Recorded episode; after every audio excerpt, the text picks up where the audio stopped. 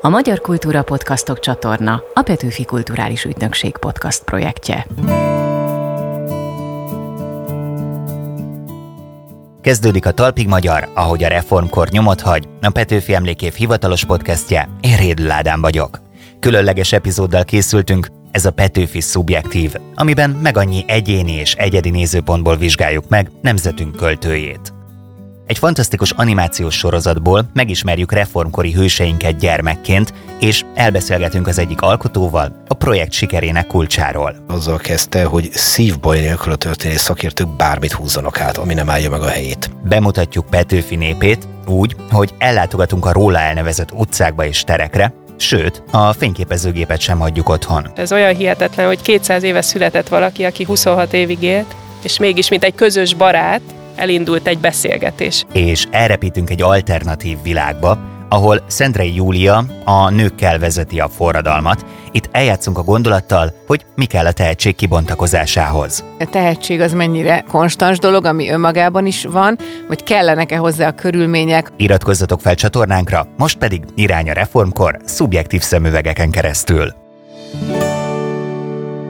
Petőfi Sanyi, Széchenyi Pisti, Kossuth Lali és Brunswick Rézi. Ritkán halljuk így történelmünk meghatározó alakjainak neveit, de a reformkor nagyjai kicsiknek program célja pont az, hogy interaktív formában hozza közelebb a legkisebbekhez a történelmet. A reformkori hősöket bemutató weboldal, mobil alkalmazás és videók inspirálhatják a diákokat, illetve a szülőket, valamint a tanárokat egyaránt. Az eddigi tapasztalatokról is kérdezem Katona Csaba történészt, a projekt egyik megalkotóját. Szia, üdvözöllek! Szerbusztok, szép napot kívánok mindenkinek! Én nagyon izgultam, hogy jó lesz ez a projekt, mert hogy ez elmehetett volna egy másik irányba, de amikor belenéztem, leesett az állam. Tehát mind animációs szempontból, mind audio oldalról eszméletlen profi a projekt. Hát amikor meg meghallottam Csernák Jánost, akkor úgy eldobtam az agyamat, hogy na jó, nem csak a történelmi szakemberek profik, hanem a stáb is olyan, hogy jó lesz a végeredmény. Ez egy nagyon fontos dolog volt, hogy valóban valami ilyesmi dolgot tudjunk létrehozni.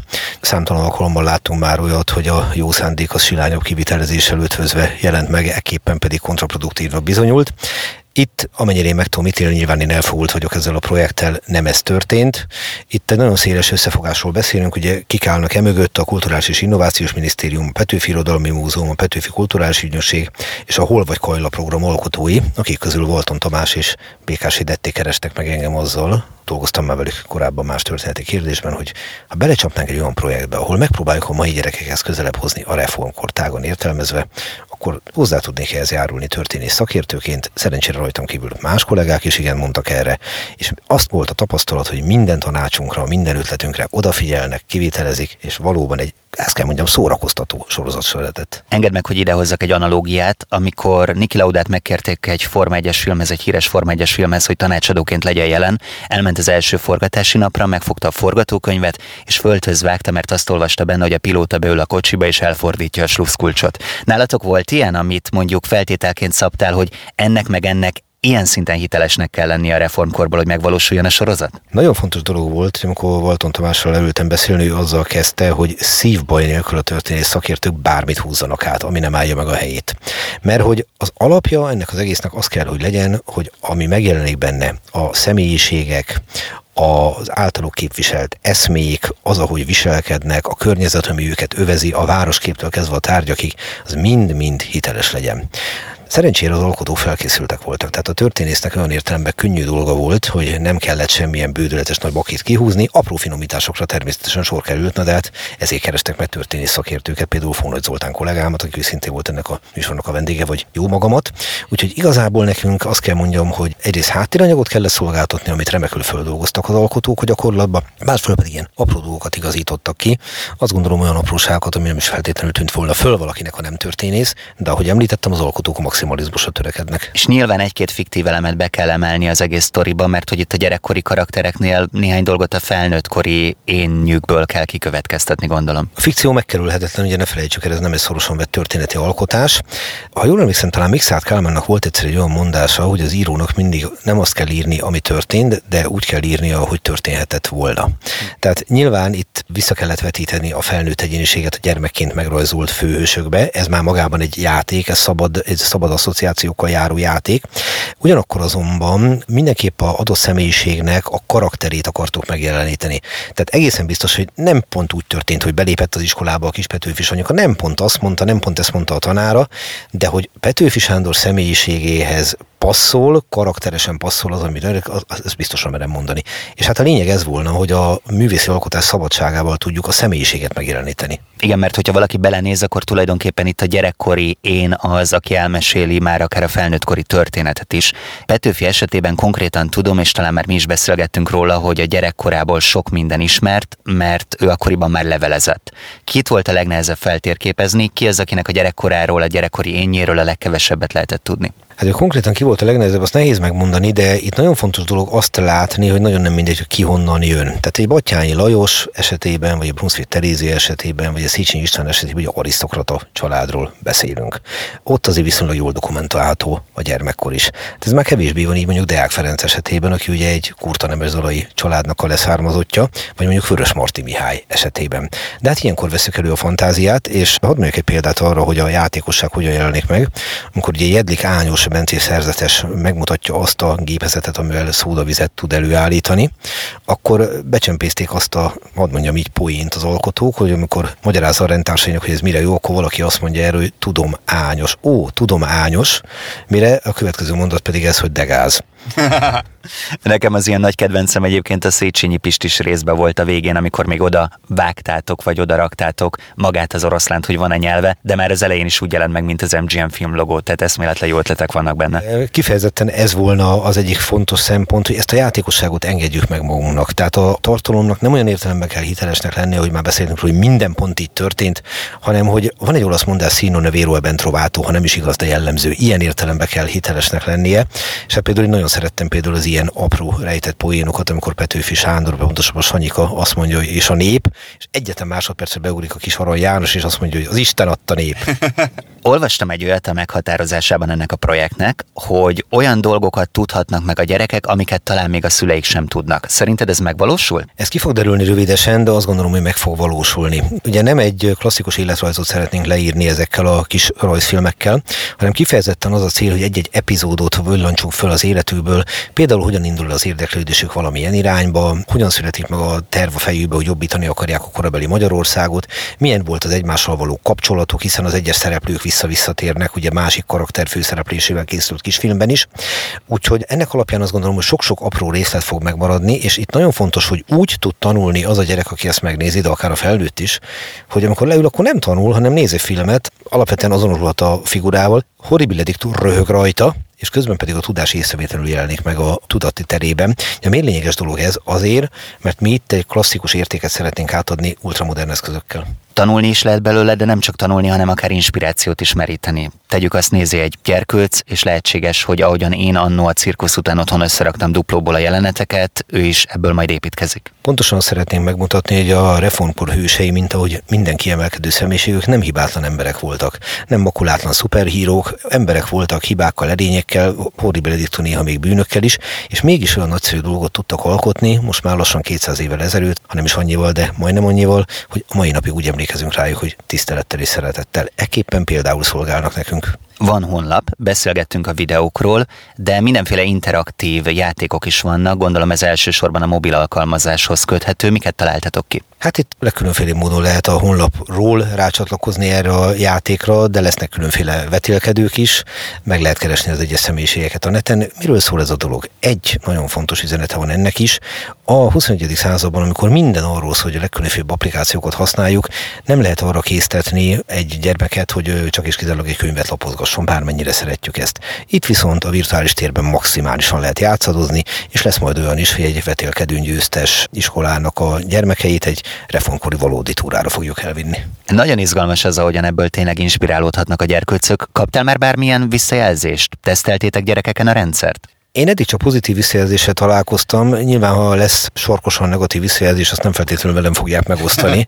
Lévén ugye benne vagyok ebbe a projektbe, de a tapasztalatom az, hogy szeretik, élvezik, és hát nem véletlenül említettem, hogy volt már olyan vetélkedő is, aminek lesz ilyen pozitív visszacsatolása, mint az előbb mondtam. Én azt gondolom, hogy jó úton járunk. Én úgy látom egyébként, hogy bővül a sor, tehát hogy még dolgoztok újabb karaktereken, mire lehet számítani, mennyire haladtok ezzel gyorsan? 16 karaktert választottunk először, ha jól emlékszem, aztán jöttek újabb karakterötletek, de majd abba az irányba fog elmenni a projekt, hogy a karakterek mellett konkrét szituációk jelenjenek meg. Tehát például a, a Lánchíd átadása, ahol ugye számos főszereplőnk fel fog bukkanni, de ilyen lehet a Reformországgyűlés, ilyen lehet az első pesti takarékpénztár megalapítása.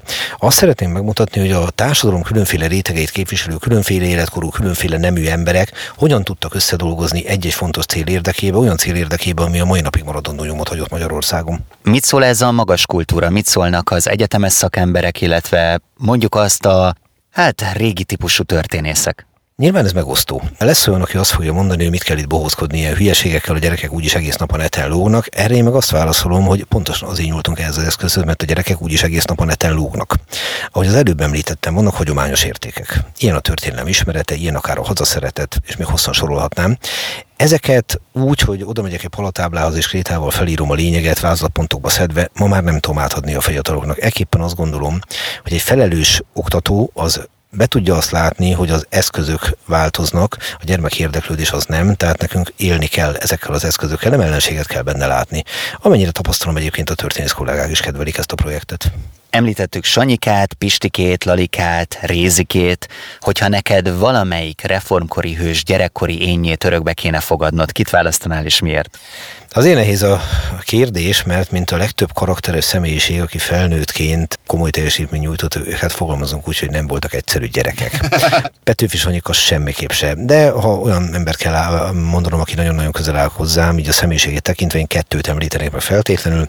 Az egyik az Arany János, aki tényleg egy szerintem egy nagyon pozitív személyiség volt, a másik pedig, ez szerintem erkölcsi kérdés, és az pedig a kis Görgei Artur. Mire gondolsz? Ha Görgei Artúr szerepére gondolunk, akkor nagyon sokszor lehet vele szembesülni, még a mai napig is, hogy árulással vádolják őt. Tehát, hogy 1849. augusztus 13-án letette a fegyvert, és ezért bukott el a magyar forradalom és szabadságharc. Ebbe kulcs szerepe van Kossuth Lajosnak. Azonban ma már pontosan lehet tudni, és igazából akkor is lehetett tudni, hogy Görgei Artúr az egyetlen józan megoldást választotta. 31 éves, amikor lerakta a fegyvert, 98 évig élt, és évtizedeken át, több mint bő fél évszázadon át viselte a folyamatos gyalászkodást, és sokszor még holtában is. Szeretnénk a Görgei Artúr a soha nem vesztett becsületét a nyilvános térben is visszakapná a lehető legjobban. Csaba, nagyon szépen köszönöm a beszélgetést. Én köszönöm a figyelmet, és mindenkinek jó szívvel javaslom a honlapot, meg az egész projektet.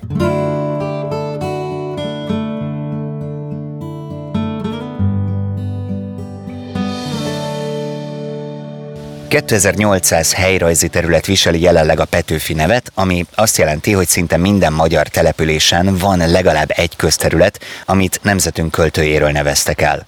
A Pictorial Kollektív, dokumentarista fotós kollektíva másfél éven át járta a Kárpát-medencét, hogy fotós látleletet készítsen a Petőfi utcák népéről. Milyen Petőfi Magyarországa ma? Erről is kérdezem Pályi Zsófia fotográfust, a projekt egyik résztvevőjét. Szia, üdvözöllek! Szerbusz, köszöntöm a hallgatókat is. Hogyan kezdtétek ezt az egészet? Beírtátok a Petőfi nevet a vészbe, és akkor elkezdtetek keresgélni, megdöbbentetek mennyi van a listán, és kiúztatok minden egyéb programot a naptáratokból, hogy be tudjátok fejezni? Igen, itt hallottuk a adatokat, hogy hány Petőfi utca található az országban, úgyhogy ez egy hatalmas vállalás volt részünkről, és készült egy térkép, ezer meg ezer ponta, hát 2800 ponta, és le lehetett csapni egy-egy tájegységre, megyére.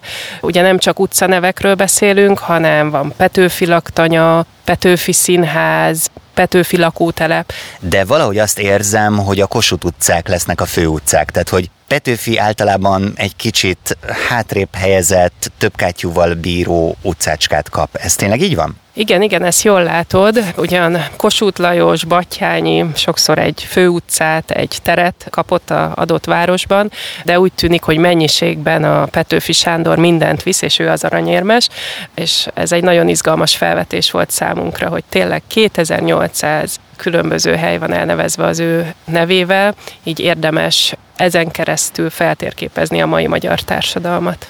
Térjünk rá egy kicsit magára a projektre, mert a Petőfi utcák népe engem nagyon megfogott, méghozzá azzal, hogy nem arra helyezitek a fókuszt, ami a születés óta eltelt 200 évben nagyon nagy divat volt és divat, hogy mit gondolna a Petőfi, hanem inkább arra voltatok kíváncsiak, hogyha most indulna vándor útjára, akkor vajon mit látna, és hogyan élnek ma a magyarok.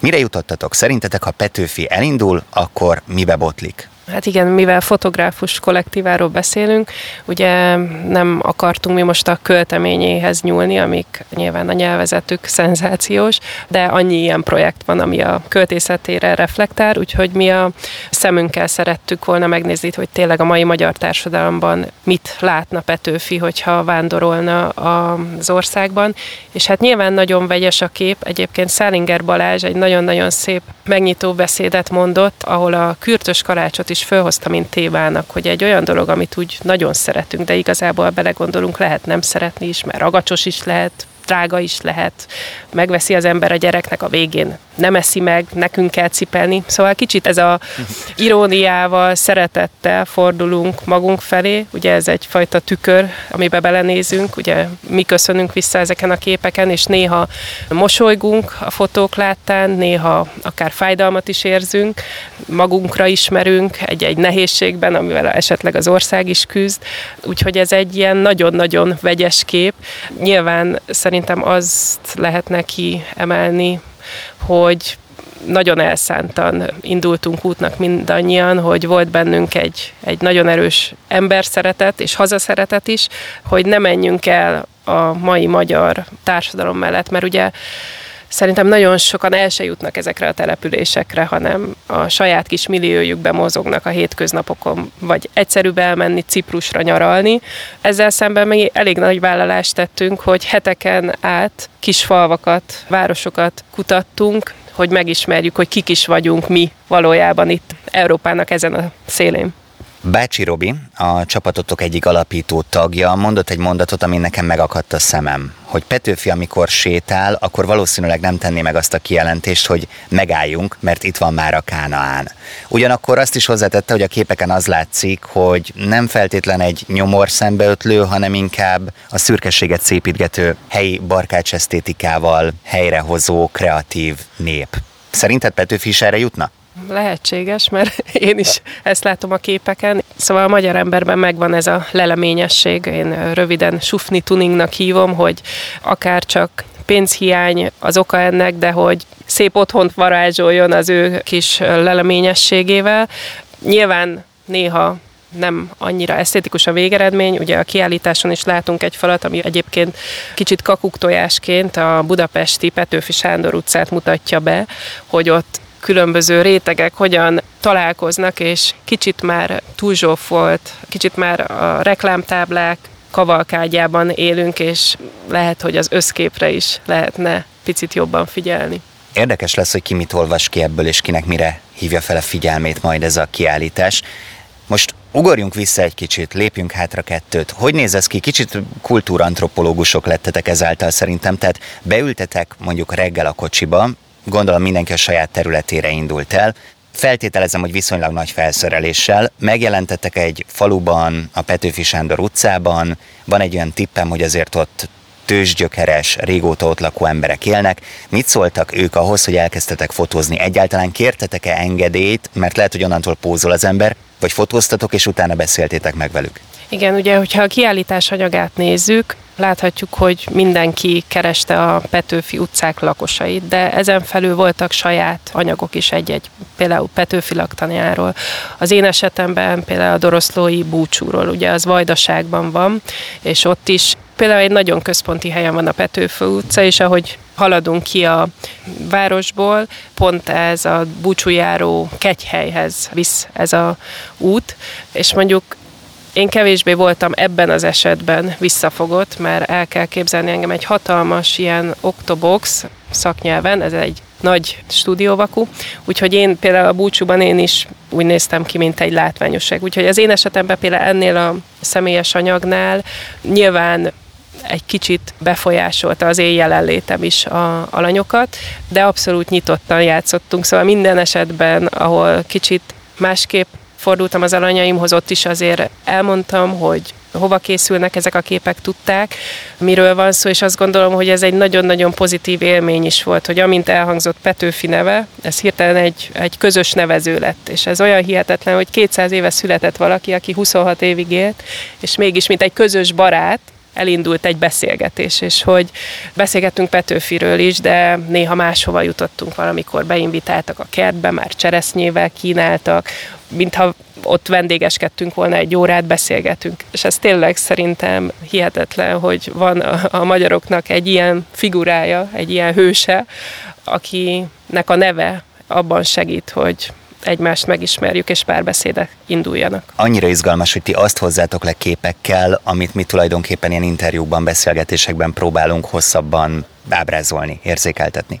Mesélted ezt a helyzetet, hogy ott álltatok, volt egy ilyen állomásod, de biztos, hogy voltak spontán pillanatok is. Mi a kedvenced? Elkaptál-e valami olyat, amiről azt mondod, hogy na, kuriózum és olyan élmény volt neked is, hogy máig itt lebeg a szemed előtt? Hát ugye nekem ez a vajdaság nagy élmény volt, mert ugye eddig is ugye érdekeltek ezek a zarándoklatok, búcsújáró helyek, és ami a fókusza ezeknek a anyagoknak, hogy tényleg különös világ van ezeken a helyszíneken, a profán és a szakrális világ keveredik, és annyira abszurd helyzeteket eredményez, hogy valaki elmegy hajnalban egy áhítatra, egy misére, részt vesz a körmeneten, és utána ott marad, beleveti magát a búcsúba, a forgatagba, vásárolgat, lehet, hogy le is issza magát kicsit. Úgyhogy itt ezekben az esetekben engem ez a kettőség érdekelt, és hát nyilván ezek a helyszínek mindig egy ilyen gics millióben jelennek meg, úgyhogy a egyik kedves képem, amikor egy ilyen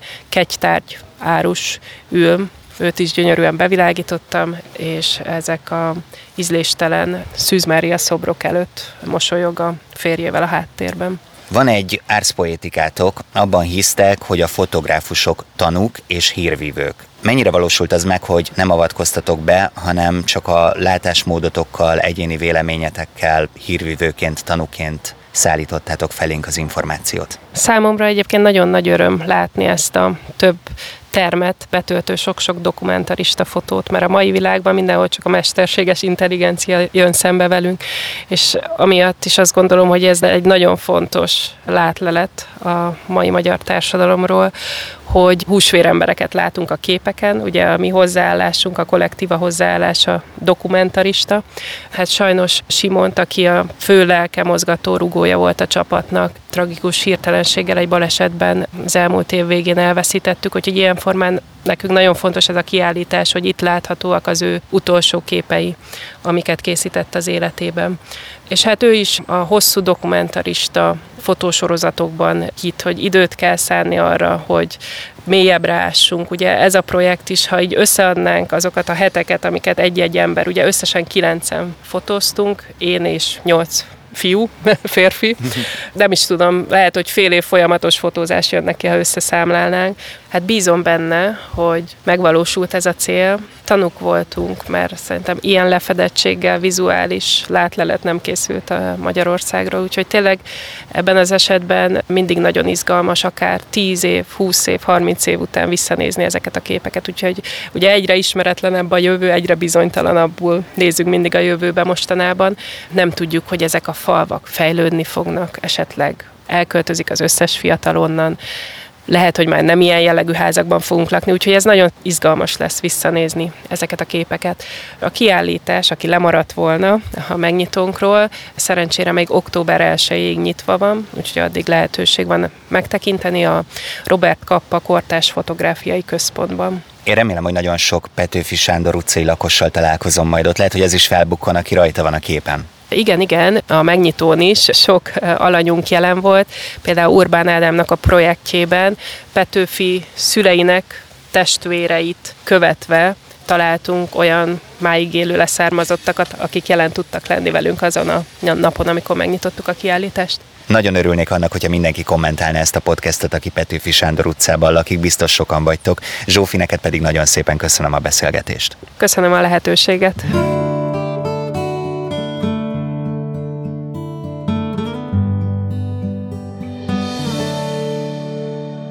Valójában tejet iszik, és nem bort, sőt egy fordított nősoviniszta világban Szendrei Júlia elnyomott férje Petőfi Sándor, legalábbis a költővel nem járnék című kötetben. A fiatal felnőtteknek szóló antológia szerzői elrugaszkodnak a sematikus nemzetköltője képtől, és 15 féle választ hoznak arra a kérdésre, hogy mit jelent számukra Petőfi. Hogyan ne unjuk tinédzserként Petőfit? Erről is kérdezem Szabó Borbála írót, akinek Júlia Petőfie címmel olvasható novellája az antológiában. Szia, üdvözöllek! Szia! Induljunk onnan, hogy a kutató munkát során érte téged olyan meglepetés, amit mondjuk korábban nem gondoltál volna. És ha igen, akkor mi volt ez? Petőfivel kapcsolatban, uh-huh. vagy itt a... Vagy akár Júliával Aha. kapcsolatban. Petőfiről nagyon sokat tudtam, tehát én többször végigolvastam a teljes Petőfi összest, Szerintem ott már nem ért meglepetés, hanem egyszer voltam a Petőfi Irodai Múzeumnak a Petőfi kiállításán, ahol a legérdekesebb dolog nekem a Szendrei Júlia naplója volt, ami ott ki volt másolva, és ott leültem, és egy óráig olvastam a naplót. És ez nagyon megrázó volt nekem, hogy egy mennyire, mennyire vágyott arra, hogy ő is művész lehessen, meg hogy megmutathassa magát, illetve hogy mennyire tehetségesen ír. Tehát, hogy szellemes volt, érdekes volt, de valóban nem volt olyan kifejlett művész nyilván, mint Petőfi, tehát egy látszott, hogy gyakorlatlan, de hogy nagyon akarta, nagyon szerette volna, és ez a nagy vágy, ami, ami látszott, hogy nem valósulhat meg, illetve hát írja is a naplóban, hogy de hát természetesen az anyai női feladatok fontosabbak, és amikor ezt teljesítettem, akkor esetleg foglalkozhatnék ezzel, de bárcsak, bárcsak lenne ez. És akkor egy szöget ütött a fejembe, ugye mi is egy íróházas pár vagyunk a Nényei Pállal a férjemmel, és hogy... Pont ezt akartam kérdezni, hogy nektek ez hogy fér bele?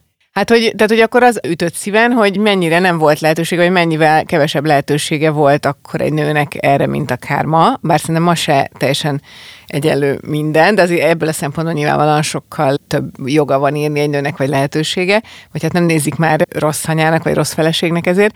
De az, hogy az a, az a vágy, az milyen, ez milyen nehéz lehetett így élni, hogy valamit az ember szeretne, de hogy a társadalmi helyzetből kifolyólag, főleg, hogy a legnagyobb költő felesége, tehát azt ez egy plusz teher, hogy valószínűleg ez így nem valósulhat meg, és az, az a kérdés merült fel bennem, hogy a tehetség az mennyire konstans dolog, ami önmagában is van, vagy kellenek-e hozzá a körülmények, a, az a biztató környezet, vagy egyáltalán a lehetőség, hogy, hogy mondjuk ha ír valamit, akkor ezt elolvashassák. Tehát akkor azt is kijelenthetjük, hogyha most itt lenne Júlia, akkor valószínűleg jobban ki tudna teljesedni. Szerintem biztosan, igen, igen. Tehát amikor ő elkezdett írni, azért ő írt egyébként novellákat, és akkor Gyulai Pál, a nagy irodalomtörténész, és szerintem egyébként zseniális író is, de hát ő ebbe volt még akkor, hogy a nőnek, tehát a nők egyszerűen nem ilyenek, és akkor írt egy hosszú tanulmányt, ahol tudományosan leírja, hogy a nők alkalmatlanok szellemileg arra, hogy ezzel foglalkozzanak, a kis tyúkfejükben ennek nincs a helye. A tyúk szót nem írja le, mert hogy az is fura benne, hogy egy nagyon okos irodalomtörténész, és egy tényként írja le azt, hogy, hogy a nők fizikailag, biológiailag alkalmatlanok arra. És ez egyébként a Júlia novellájára reagálva, illetve Júlia visszareagál rá, egy nagyon szellemes novella volt. Tehát a kutatómunkám az inkább a, a Júlia alkotásaira, vagy az ő, ugye Gyimesi Emese nevű kutatónő gyűjtötte most az kötetbe a Júlia írásait különböző műnemekben, és hogy a, a novellái között szerepel ez, amit a Gyulai Pálnak erre a cikkére reagál, és rendkívül szellemes. Sőt, tehát kifejezetten ilyen groteszk elemek vannak benne. És egyébként pont Emesével beszélgetve derítettem azt hiszem azt is ki, hogy Petőfi azért támogatta Júliát, tehát hogy abból az irányból nem volt gáncsolás. Igen, de azért ez mindig egy ilyen bonyolultabb játszma. Tehát, hogy persze próbáld meg, hogyha megfőzted az ebédet, akkor nyugodtan megpróbálhatod, meg én segítek. Hát, tehát, hogy olyan Értem. a helyzet, hm. hogy neki van esélye arra, hogy a nemzetköltője legyen Juliának, meg maximum arra, hogy a férje farvizén egy, egy novelláját így valahol megjelentesse, de hogy azért ez nem egyenlő. És ugye egyébként az én novellámban is ez úgy felvetődik, hogy itt sincsen az, hogy, a, hogy az egyik fél elnyomja a másikat ebben a tekintetben, mert nem kell elnyomni, mert ugye olyan a rendszer, hogy eleve len vagy, és én persze én szeretném, hogy lenne lehetőséget, csak hát... Szóval ez, ez emiatt bonyolult, hogy ezt a társadalom írja ezeket a rendszereket, nem az egyes ember. Na most akkor pont eljutottunk oda, hogy egy kicsit fordítsuk meg a paklit, mert a novelládban is erről van szó, ez a Júlia Petőfie című mű, amiben egy alternatív múltat festesz. És tulajdonképpen itt Júlia kezébe adod az irányító pálcát, a karmesteri pálcát. Hát ez egy olyan világ, ahol a nőknek áll az ászló, és ugye a történelem több ezer éve alatt valahogy a nők kezében volt a hatalom. És a Petőfi Irodalmi Múzeum az Szendrei Irodalmi Múzeum, nem PIM, hanem SZIM, és hogy, hogy játszom ezzel a gondolattal, hogy akkor, hogy, hogy mi lenne, a fordítva lenne. És akkor Sanyi, Petrovics Sanyi, az meg a nagy költő is irodalmár tekintélyes Júliának a kis férje, aki ugye házi munkát is végzi, meg hát hogy ott férként funkcionál, de hogy amikor van ideje, és mindezt elvégezte, mint hamupipőke, akkor utána ő is írogat, és hogy tele van vágyjal a szíve. Sok mindent átvettem, vagy nem sok minden, de jó pár mondatot a Júlia naplóból, amiről beszéltem, hogy mennyire nagy hatással volt rám, és ezt a Sanyi naplójaként írtam át. Én kiírtam néhány gondolatot, tehát akkor most mindenki, aki hallgatja ezt a beszélgetést, képzelje el azt, hogy Szendrei Júlia a forradalom hőse vagy hősnője, magyar és osztrák nőtársaival egy tárgyalóasztalnál ül, és a férje forradalmi dalát jelentősen átírva egy picit, mondjuk azt, hogy csitította a hevületet, és ez így hangzik, már hogy egy része most idézek belőle, csücs magyar, itt a haza, és utána jött az indoklás, rabok legyünk vagy szabadok, rossz a kérdés, nyugodjatok. Igen, jó, nyilván ez egy olyan fajta provokáció, hogy én nem hiszek abban, hogyha a nők irányítanák a világot, akkor minden békés, racionális és erőszakmentes lenne, mert ez nyilván nem így van. Elég, hogyha megnézzünk egy lányiskolát, meg egy fiúiskolát, hogy mind a kettőben mennyi feszültség van, csak más módon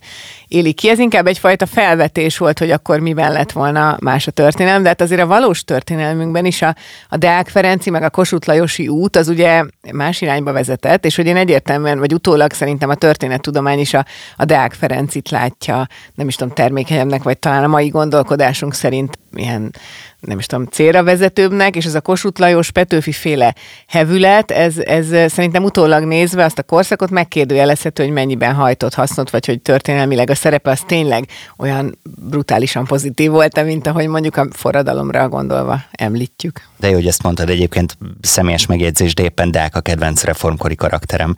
Ahhoz, hogy ezt az alternatív világot így tényleg felfesd, akkor valószínűleg több helyen körbe kellett nézned, de az egy adott dolog volt a történetet szempontjából, hogy a házaspárok ugyanazok.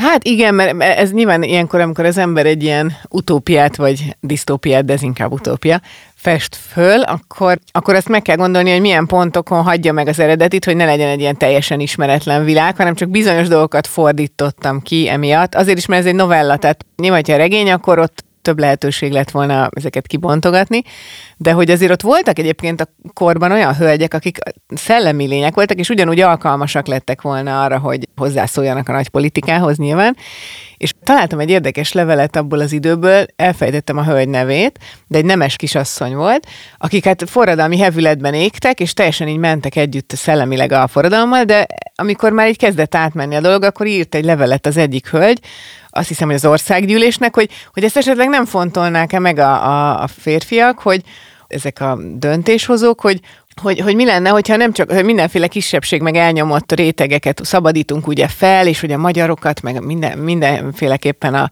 legyen egyenlőség, hogy esetleg a nők ügyét nem vennék el mégis így a szívükre, senki nem válaszolt nekik.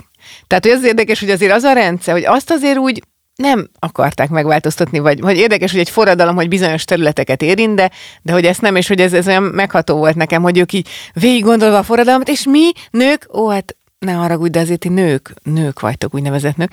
Tehát, hogy, hogy ezt, hogy ezt válaszra sem éltatták, ez egy olyan szomorú dolog, hogy, hogy ideig terjedt a forradalom, hogy ez már nem volt benne. A Deák névásznát én elengedem, és nézzük meg azt, hogy szerinted mi lett volna jobb, hogyha ebben az alternatív valóságban játszódnak a történések, és mi lett volna egészen biztosan rosszabb? Most úgy értem, hogy a történetet szempontjából, tehát hogyha folytatni kéne a novellát.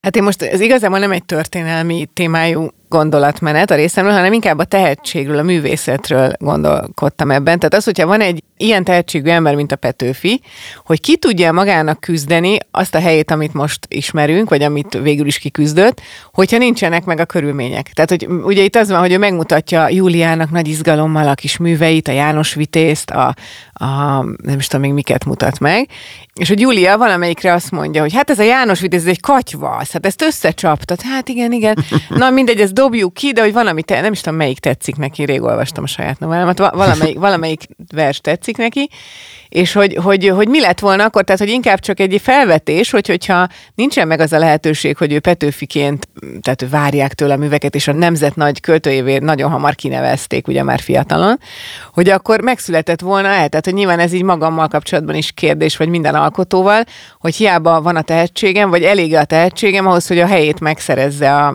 a világban, az elismertségét, vagy pedig kell azért az, hogy alárakják a dolgokat. Tehát ez a történelmi háttér, ez inkább csak azért tettem mögé, hogy ezt a dolgot megvizsgálhassam, úgyhogy ezt nem regényben gondoltam el. Szerinted azzal, hogy ezt leírtad, hozhatsz változást? Bízol benne? Hát én mindig szeretem a provokációt, mert szerintem az éles kérdésekből, amitől az ember egy kicsit így elakad a lélegzete, hogy micsoda, és akkor elkezd gondolkodni, vagy felháborodik. Tehát, hogy amikor valami indulatot vagy érzelmet keltünk valamivel, vagy akár a humor erejével, meg röhögést, akkor, akkor az akár mozdíthat valami picit, igen. Ezt egyébként ezt a sok hatást elérted a szöveggel, tehát szerintem abszolút sikerült ezt meglépni.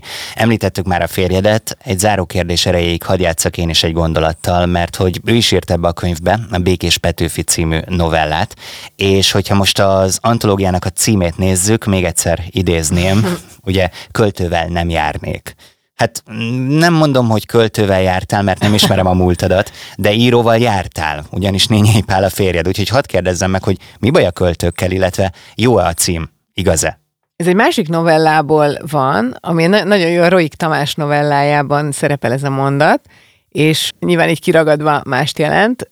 Mm, én meg nem is nagyon tudnék mással járni, mint költővel, mert nekem az nagyon fontos, hogy otthon, tehát a, a négy gyerekünk van, abból hárommal már lehet költészetről beszélgetni, de már lassan négyel, és hogy mi mindig beszélgetünk művészetről. Tehát az, hogyha az, ami engem így leginkább foglalkoztat az életben, arról nem lehetne beszélgetni, tehát hogy a szakmám az nagyon más lenne, mint a magánéletem, akkor én, én unatkoznék. Tehát én mindig úgy képzeltem, hogy nekem a férjem író lesz, vagy valaki olyan, aki művészettel foglalkozik, de azért inkább irodalommal. Szóval nekem más opció, nem tudnék elképzelni, hogy vegyésszel házasodjak össze, mert egyszerűen lehet, hogy jó lenne, de, de hogy, hogy nekem pont fordítottja van. Borbála, nagyon szépen köszönöm a beszélgetést. Én is köszönöm.